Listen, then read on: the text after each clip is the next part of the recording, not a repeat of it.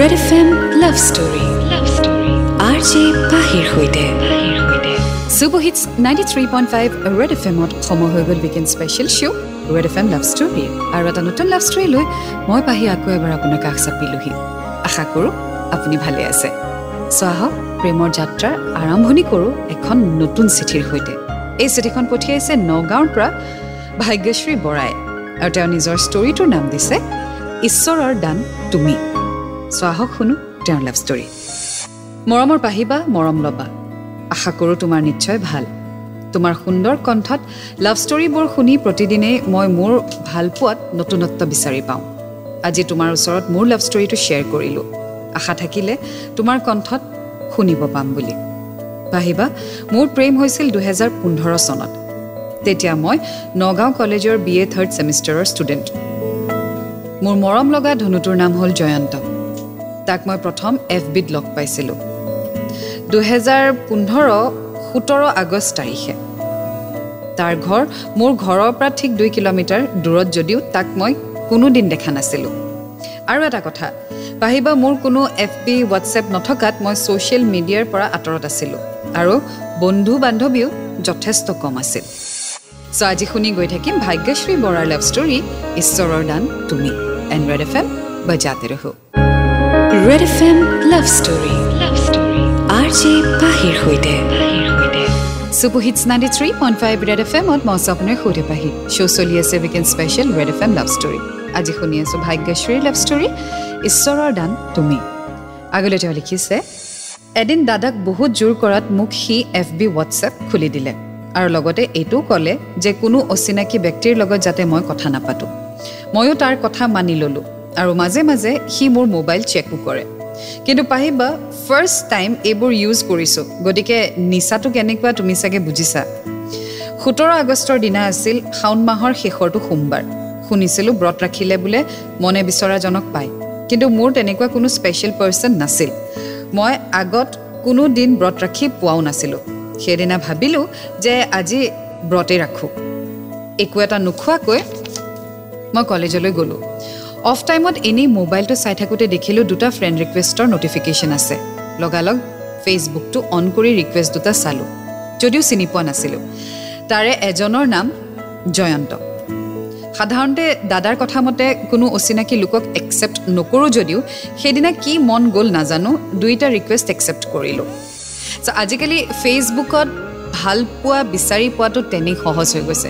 কাৰণ আমি ছ'চিয়েল মিডিয়াৰ জৰিয়তে বহুত মানুহ লগ পাওঁ। মানে সুদূৰত থকা ব্যক্তি এজনো একদম যেন আপোন হৈ যায় because of social media right but then social media equally ডেঞ্জাৰাছো হ'ব পাৰে যদি আপুনি ৰাইটলি ইউজ নকৰে। So' be careful when you share all your details specially personal details যেতিয়া শ্বেয়াৰ কৰে বি কেয়াৰফুল বিকজ আপুনি নেজানে যে আপোনাক একচুৱেলি কোনে ভাল পায় আৰু কোনে আপোনাৰ বেয়াটো বিচাৰে। ৰেড এফ এম বজাতে ৰাখোঁ Red F M love story love story R J পাহিৰ সৈতে শ্ব' চলি আছে weekend special Red F M love story মই আছোঁ আপোনাৰ সৈতে পাহি আজি শুনি আছোঁ ভাগ্যশ্ৰী বৰাৰ লাভ ষ্টৰী ঈশ্বৰৰ দান তুমি।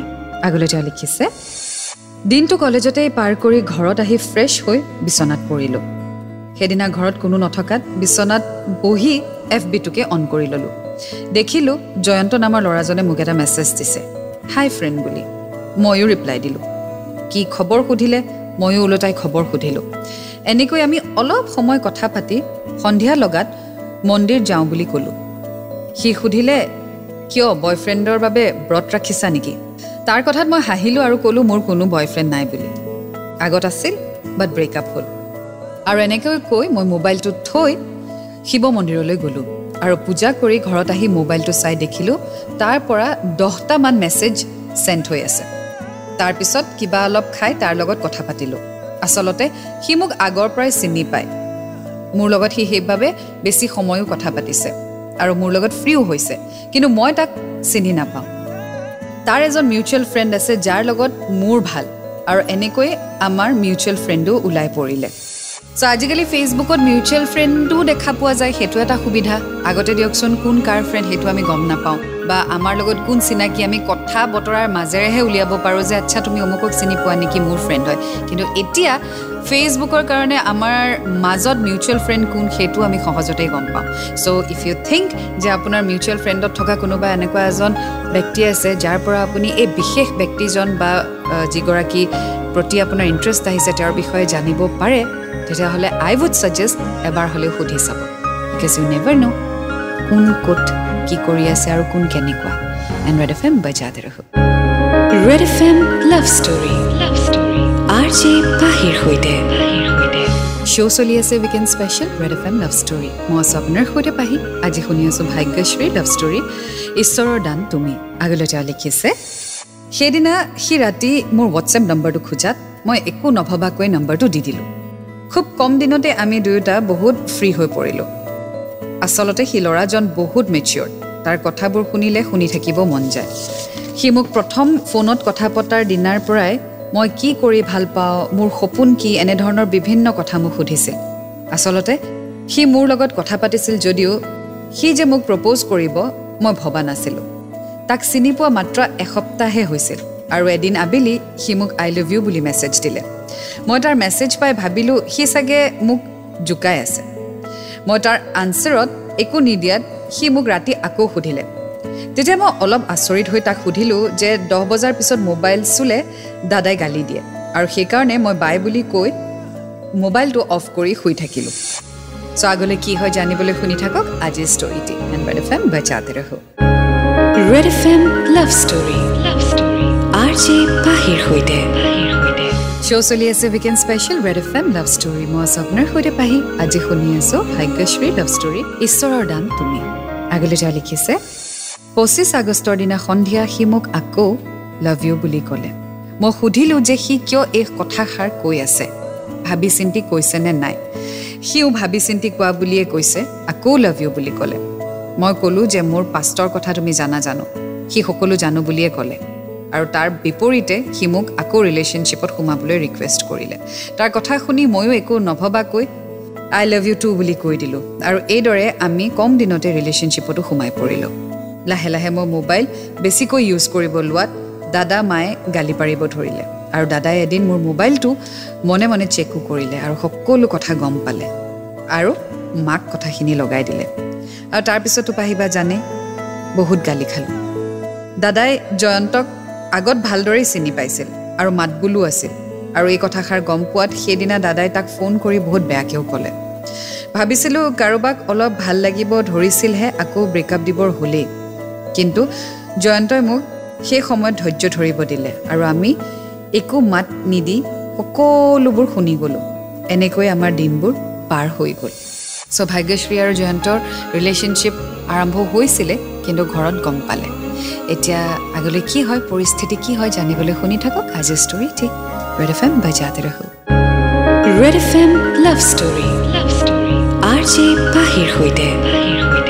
শ্ব' চলি আছে weekend special Red F M love story আজি শুনি আছোঁ ভাগ্যশ্ৰী লাভ ষ্টৰী ঈশ্বৰৰ দান তুমি।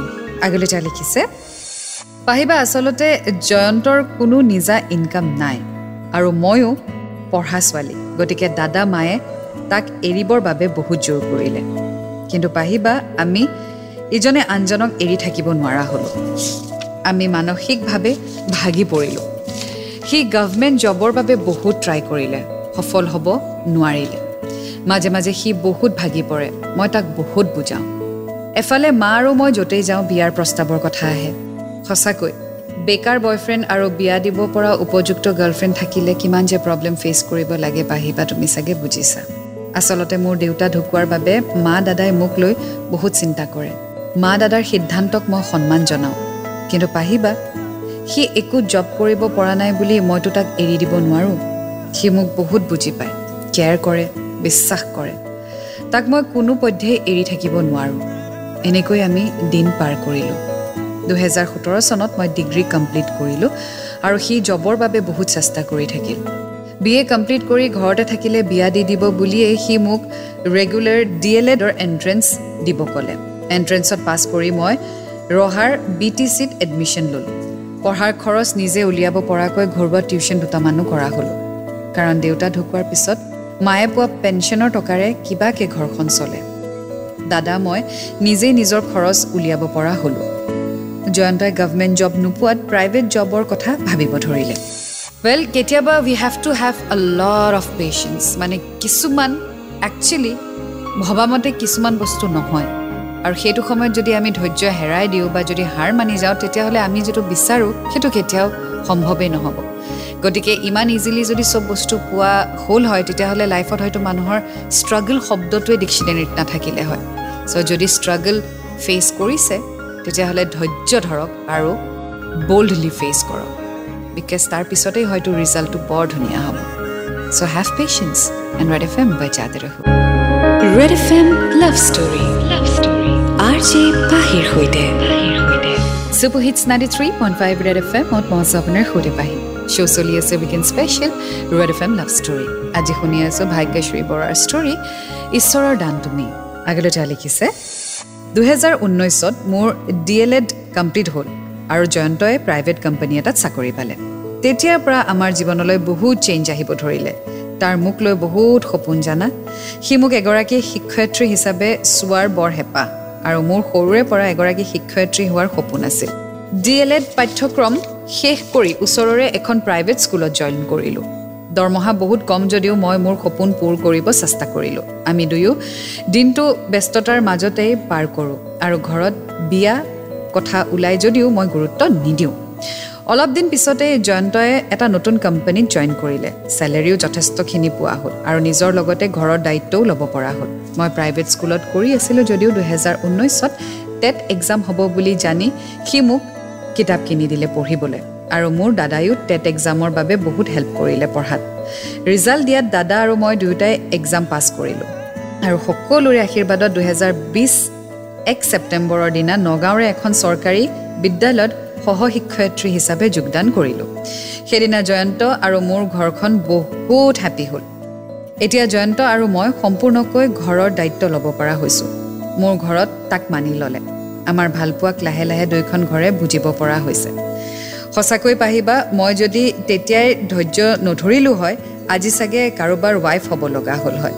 দুহেজাৰ তেইছত আমাৰ ঘৰৰ পৰা তালৈকে বিয়া দিম কৈছে। আৰু তাৰ ঘৰতো একো অসুবিধা নাই। So' finally all's well that ends well ধৈৰ্য ধৰিলে কষ্ট কৰিলে আৰু নিজৰ সপোনৰ পিনে আগুৱাই গ'লে ultimately you will be successful so' আৰু কিছু কথা লিখিছে পঢ়ি গৈ থাকিম। Stay tuned and Red F M ৰহ। Red F M love story love story R J পাহিৰ সৈতে। শ্ব' চলি আছে weekend special Red F M love story আজি শুনি আছোঁ ভাগ্যশ্ৰীৰ ষ্টৰী ঈশ্বৰৰ দান তুমি। আগলৈ তেওঁ লিখিছে সঁচাকৈ পাহিবা ভালপোৱা কিমান গভীৰ হ'ব পাৰে মই তাক লগ পাই বুজিছোঁ। সি মোতকৈ কিছু বছৰ ডাঙৰ। বহুত কথা বুজি পায়। তাৰ ধৈৰ্যক মই সঁচাকৈ শলাগ লৈছোঁ। আজি মই যি স্থানত থিয় হ'ব পাৰিছোঁ সেয়া সম্ভৱ হৈছে মোৰ ঘৰখন আৰু জয়ন্তৰ বাবে। মোৰ জয়ন্তই মোক বহুত বুজি পায়। মোৰ এটা বহুত বেয়া গুণ আছে। পাহিবা মোৰ খং উঠিলে তাক যি টি কৈ দিওঁ আৰু সি একো এটা মাত নিদিয়ে। মই পিছত নিজে চৰি কৈ আকৌ আগৰ দৰে হৈ যাওঁ। তাক লগ পোৱা ছবছৰ পাৰ হৈ গ'ল কিন্তু আজিলৈকে আমি নমতাকৈ বা মেছেজ বা ফোন নকৰাকৈ থকা নাই। আচলতে আমি ইজনে সিজনক এৰি অলপো থাকিব নোৱাৰোঁ। পাহিবা এই প্লেটফৰ্মৰ যোগেদি তাক মই এইটোৱে ক'ব বিচাৰোঁ যে জয়ন্ত মই তোমাৰ লগত সদায় আছিলোঁ আৰু সদায় থাকিম। আমাৰ জীৱনত অহা যিকোনো সমস্যা বা দুখক সমস্যা হিচাপে নলৈ জীৱনৰ একোটা পৰীক্ষা হিচাপে লৈ সফল হ'বলৈ চেষ্টা কৰিম। তোমাৰ মৰম আৰু প্ৰতিপলে থকা বিশ্বাস যেন এনেদৰেই থাকক। ভগৱানে তোমাক মোৰ জীৱনত এটা ডাঙৰ উপহাৰ হিচাপে দিছে। তেওঁৰ এই উপহাৰক মই সদায় সযতনে ৰাখিম আৰু সকলোৰে আশীৰ্বাদ লৈহে মই তোমাৰ হৈ এৰিম। লাভ ইউ ছ' মাছ মোৰ ধুন। এতিয়াই তোমাৰ শুভাকাংক্ষী Shri Bhagyashree Bora Nagaon. Well Bhagyashree thank you so' much তুমি তোমাৰ ষ্টৰি আজি আমাৰ সৈতে শ্বেয়াৰ কৰিলা আৰু ফৰ পাৰ্চনেল ছেফটি তোমাৰ পাৰ্টনাৰৰ নাম আমি চেঞ্জ কৰি দিছোঁ so' I hope you will understand this and I wish you all the best দুহেজাৰ তেইছ চন চলি আছে চ' যদি তোমালোকৰ বিয়া হৈছে তেতিয়াহ'লে কংগ্ৰেচুলেশ্যনছ আৰু যদি হোৱা নাই এতিয়ালৈকে so' I wish you both have a wonderful married life ahead and thank you so' much for sharing your story so' এয়া আছিলে আজি ভাগ্যশ্ৰীৰ ষ্টৰী ঈশ্বৰৰ দান তুমি। এটি নতুন ষ্টৰীৰ সৈতে আকৌ লগ পাম। Until then to fall in love it's a great feeling you will get to learn a love and always remember I love you and bye the fame bye জাতিৰ সৰু